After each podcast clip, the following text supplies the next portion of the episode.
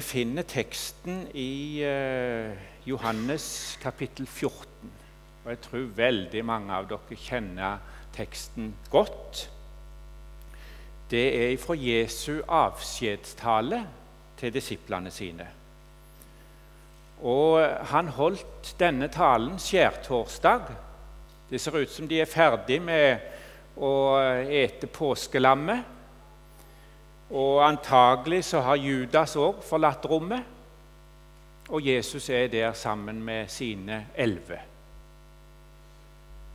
Og eh, Jesus han eh, føler behov for å forberede sine på det som skal komme. Kanskje å trøste dem litt, og, men ikke minst det å forberede dem på hva kommer nå. For det viste seg jo at de var veldig uforberedt på det som skulle skje i tida som lå framfor dem. Eh, denne Jesu avskjedstale kan vi òg eh, kalle for eh, Jesu testamente. I min jobb så jeg, eh, leser jeg veldig mange testamenter. Og det er, På engelsk heter det 'last will', altså den siste vilje. Og eh, veldig mange har skrevet testamentet til fordel for misjonen. Og det er alltid spennende når jeg får et brev fra tingretten. For det ble nemlig slik for noen år siden at eh, de som har skrevet testamentet, kan deponere eller oppbevare den i tingretten. Og da har tingrettene et system seg imellom, så når de får melding om et dødsfall, så ser de med en gang der er det testamentet. Før var det slik at testamentene lå rundt, gjemt i skuffer og eh, pengeskap og, og, andre plasser, og det hendte ikke så sjelden at vedkommende døde uten at det var noen som visste at det var testamentet. Og dermed så ble det ikke fullbyrda dette testamentet. Men nå, når det kommer et brev fra tingretten, så står det kanskje den og den er død og har etterlatt seg testamentet for, for, til fordel for Norsk-Luthersk Misjonssamband. Og eventuelt andre slektninger og arvinger. Og så blir det min jobb å finne ut av hva står der i dette testamentet. For da får jeg alltid en kopi av testamentet. Og jeg kan si dere at det er ikke alltid like tydelig og like klart, det som står i testamentene. Av og til kan det være veldig komplisert å finne ut av. Og av og til så hender det òg at eh, advokatene i tingretten rister på hodet og ikke vet hva vi skal gjøre. Det hender, det. Men dette testamentet, Jesu testamentet, der er det ingen tvil hva Jesus mente, og hva Jesus sa. Vi trenger ikke være i tvil i det hele tatt. Her står det helt klart hva Jesus etterlot seg til oss.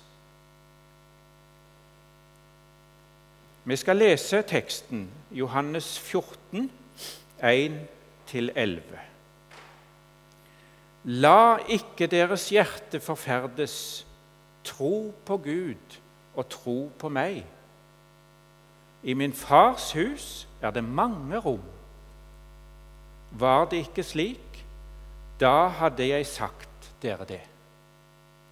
For jeg går bort for å gjøre i stand et sted for dere. Og når jeg er gått bort og har gjort i stand et sted for dere, kommer jeg igjen og skal ta dere til meg for at også dere skal være der jeg er. Og dit jeg går, vet dere veien. Thomas sier til ham, 'Herre, vi vet ikke hvor du går hen.' Hvordan kan vi da vite veien? Jesus sier til ham, 'Jeg er veien, sannheten og livet.' Ingen kommer til Faderen uten ved meg. Hadde dere kjent meg, så hadde dere også kjent min far. Og fra nå av kjenner dere ham og har sett ham. Philip sier til ham, Herre, vis oss Faderen, og det er nok for oss. Jesus sier til ham, Så lang en tid har jeg vært hos dere, og du kjenner meg ikke, Philip. Den som har sett meg, har sett Faderen. Hvordan kan du da si 'vis oss Faderen'? Tror du ikke at jeg er i Faderen og Faderen i meg? De ord jeg taler til dere, taler jeg ikke av meg selv, men Faderen som blir i meg, han gjør sine gjerninger. Tro meg at jeg er i Faderen og Faderen i meg.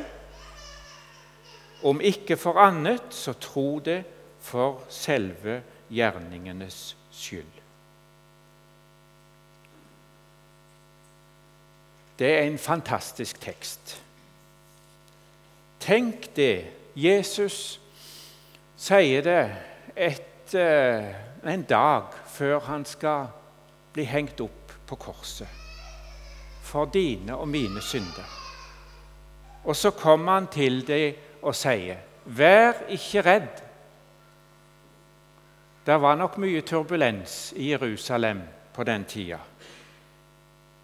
Det skjedde mye, og disiplene hadde kanskje ikke forstått hva som var i ferd med å skje.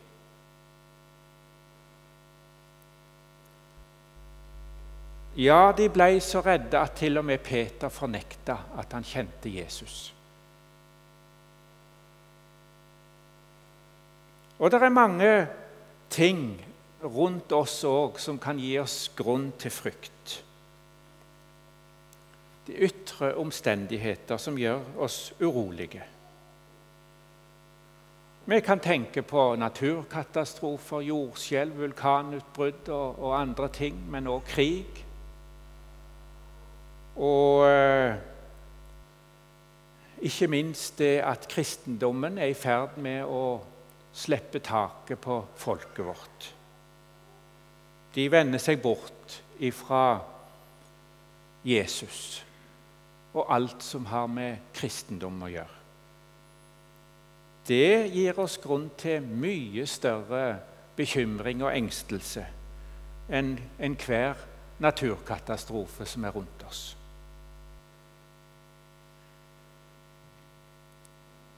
Jesus han visste det alt sammen.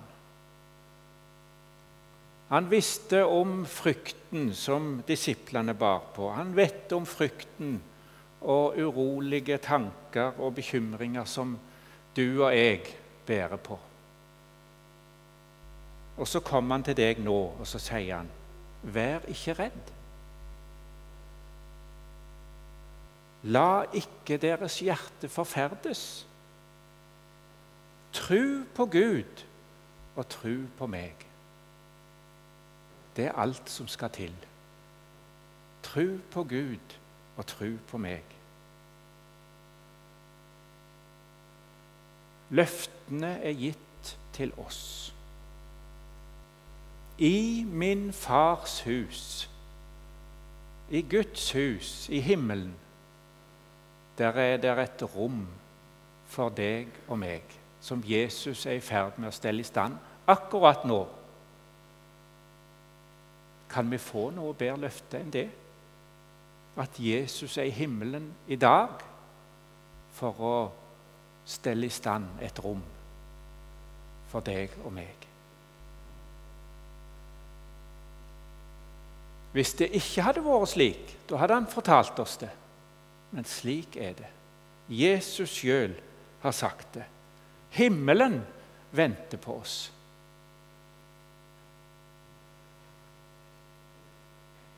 Og der er rom nok for alle som tror på Han.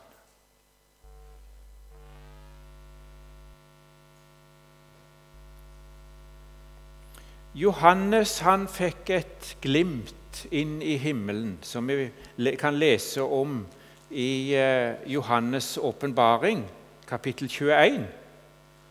Det er fantastisk å lese om himmelen i åpenbaringsboka. Slå gjerne opp disse versene når du kommer hjem, og les om det vi har i vente. Det er jo eh, helt fantastisk. Og jeg så en ny himmel og en ny jord, skriver Johannes. For den første himmel og den første jord var veket bort. Og havet er ikke mer. Og jeg så den hellige stad, det nye Jerusalem, stige ned ut av himmelen fra Gud, gjort i stand som en brud som er prydet for sin brudgom. Slik så Johannes det og han skriver det i åpenbaringen. Og Litt lenger ute kan vi lese i, vers, i kapittel 22. Og han viste meg en elv med livets vann, klar som krystall, som strømmet ut fra Guds og lammets trone. Midt i byens gater, på begge sider av elven, sto livets tre, som bærer frukt tolv ganger og gir sin frukt hver måned, og bladene på treet tjener til helse for folkeslagene. Ser du treet, livets tre? Det som engelen stengte, Gud stengte adgangen til etter at Adam og Eva var falt i synd. Så gikk Gud inn og stengte veien til livets tre. Men så kom Jesus, og så åpna han på ny veien inn til livets tre, inn til himmelen. Og så har vi på ny fått ad, den adgangen som ble stengt for Adam og Eva. Den har Jesus åpna for oss. En ny vei inn til livets tre. Og hva var det som var spesielt med livets tre? Jo, den som spiser av livets tre, skal leve evig. Jesus gav oss evig liv.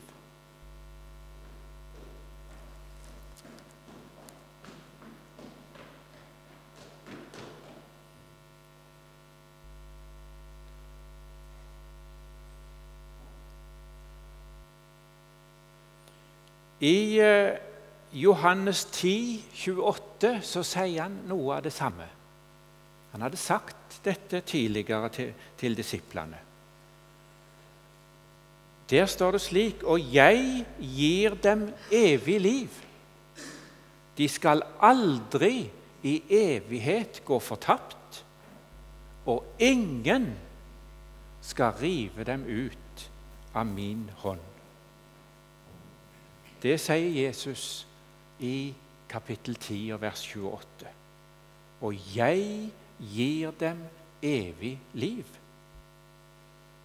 De skal aldri i evighet gå fortapt, og ingen skal rive dem ut av min hånd.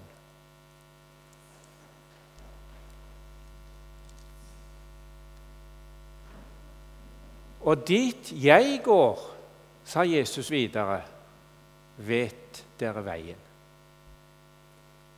Da er det Thomas sier, og i tvil. Hvor i all verden går du hen, Jesus?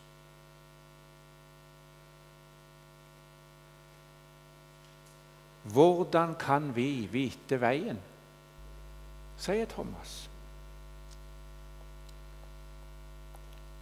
Ja, åssen kunne Thomas og vi andre vite veien? I en av våre perioder i Peru så eh, var vi langt til fjells oppe i en liten landsby som heter Crucero. Og Jeg husker en gang meg, var, Vi var nettopp kommet dit, og, og eh,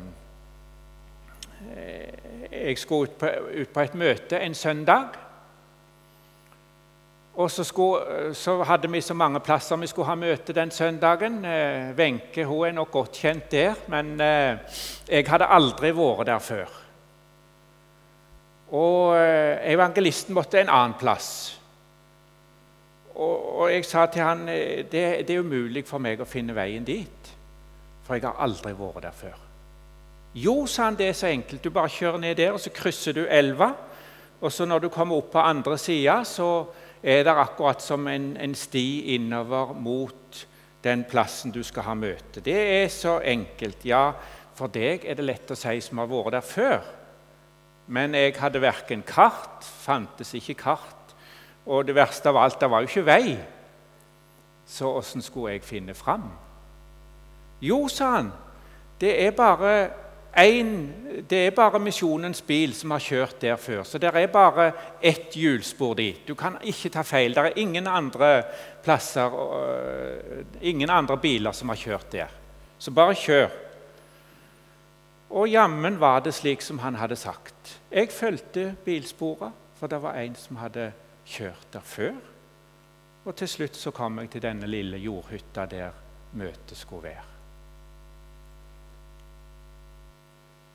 Slik er det for oss òg. Det er en som har gått i forveien for oss.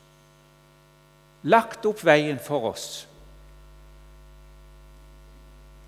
Gitt oss et testamente som det ikke går an å ta feil av.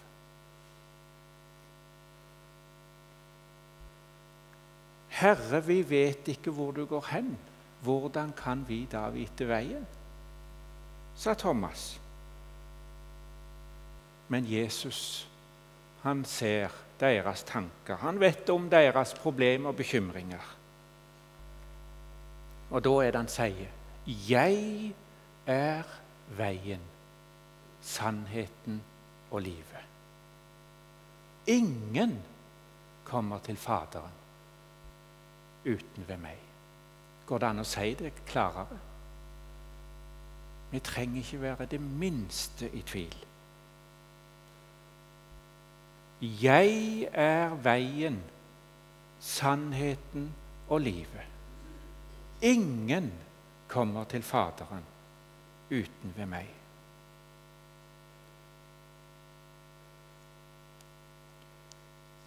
Jesus har sagt i mange situasjoner 'Jeg er'.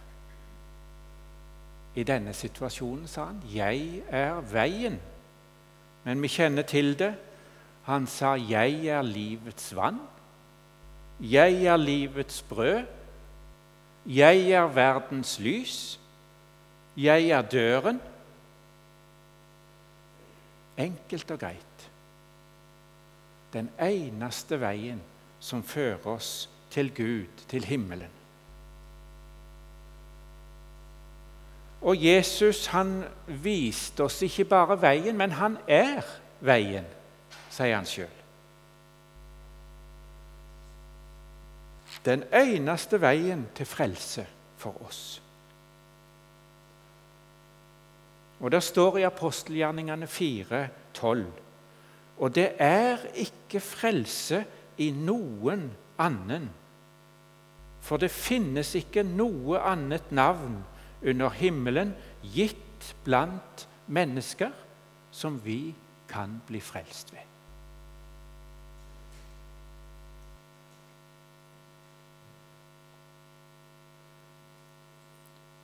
Vi har lært Jesus å kjenne, og for disiplene var det mulig å lære Jesus å kjenne fordi han var sant menneske.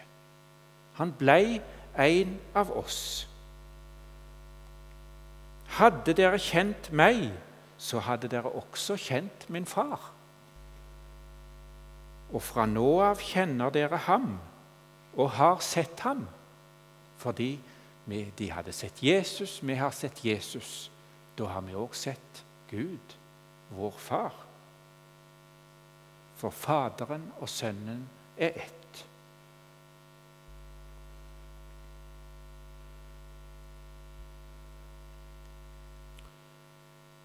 Philip sier til ham, 'Herre, vis oss Faderen, og det er nok for oss.' Det virker som Philip taler på alle disiplene sine vegne her. Han ber om en himmelsk manifestasjon. En sånn ekstraordinært.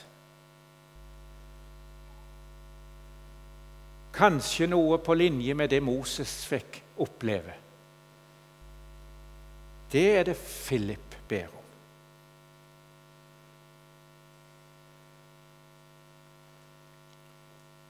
Men som Jesus sier her i vers 9, Jesus sier til ham, så lang en tid har jeg vært hos dere, og du kjenner meg ikke, Philip.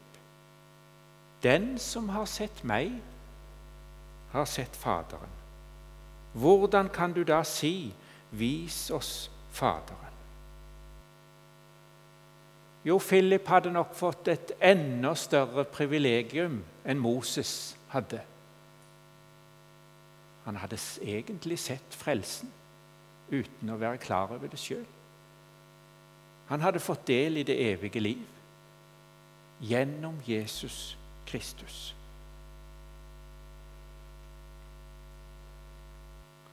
Så ser vi videre i vers 10 at disiplene de oppfordres til å ta Jesus på ordet. Tror du ikke at jeg er i Faderen? Og Faderen i meg. De ord jeg taler til dere, taler jeg ikke av meg selv, men Faderen som blir i meg, han gjør sine gjerninger.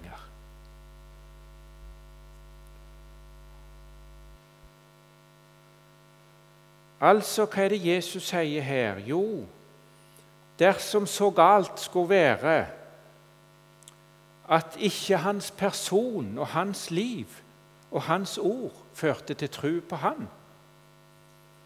Så mente Jesus at de skulle ta til fornuften og se hva, hva er det som har skjedd.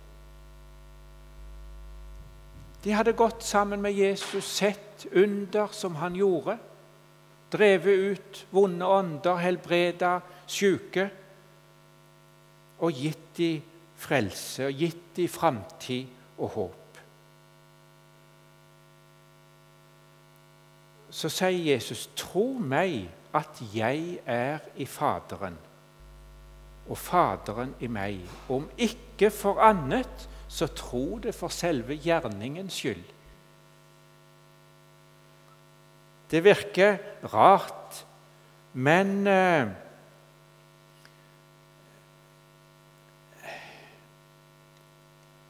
Jesus han mente at de skulle følge fornuftens vei og se det guddommelige i hans natur ut fra hans gjerninger. Og denne form for tro er ikke den høyeste. Men Jesus forakta den ikke, så tro for selve gjerningenes skyld.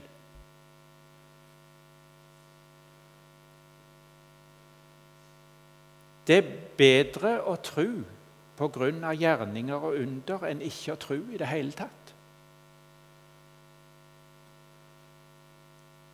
Likevel så sa Jesus at han skulle ikke etterlate de farløse, men han skulle sende talsmannen. Han var ennå ikke sendt. Disiplene hadde ennå ikke forstått. Det ser vi i eh, kapitlene som følger. De hadde ikke forstått Jesu gjerning og oppgave her på jord. Og jeg tror vi kan si først pinsedag. Når Jesus sendte sin Hellige Ånd, så forsto de det. Da så de den store sammenhengen. Da fikk de oppleve virkelig tru, ikke av gjerninger, da var det ikke ei tru som var prega av det de hadde sett Jesus gjorde, av tegn og under og andre ting. Da trodde de, fordi det ble nedlagt i deres hjerter ved Den hellige ånd, at Jesus er Kristus. Jesus er Herre. Og det er bare Den hellige ånd som kan vise oss hvem Jesus er, og hvem du er, hvem jeg er og overbevise oss om at Jesus er den eneste veien til frelse. Jeg er veien, sannheten og livet.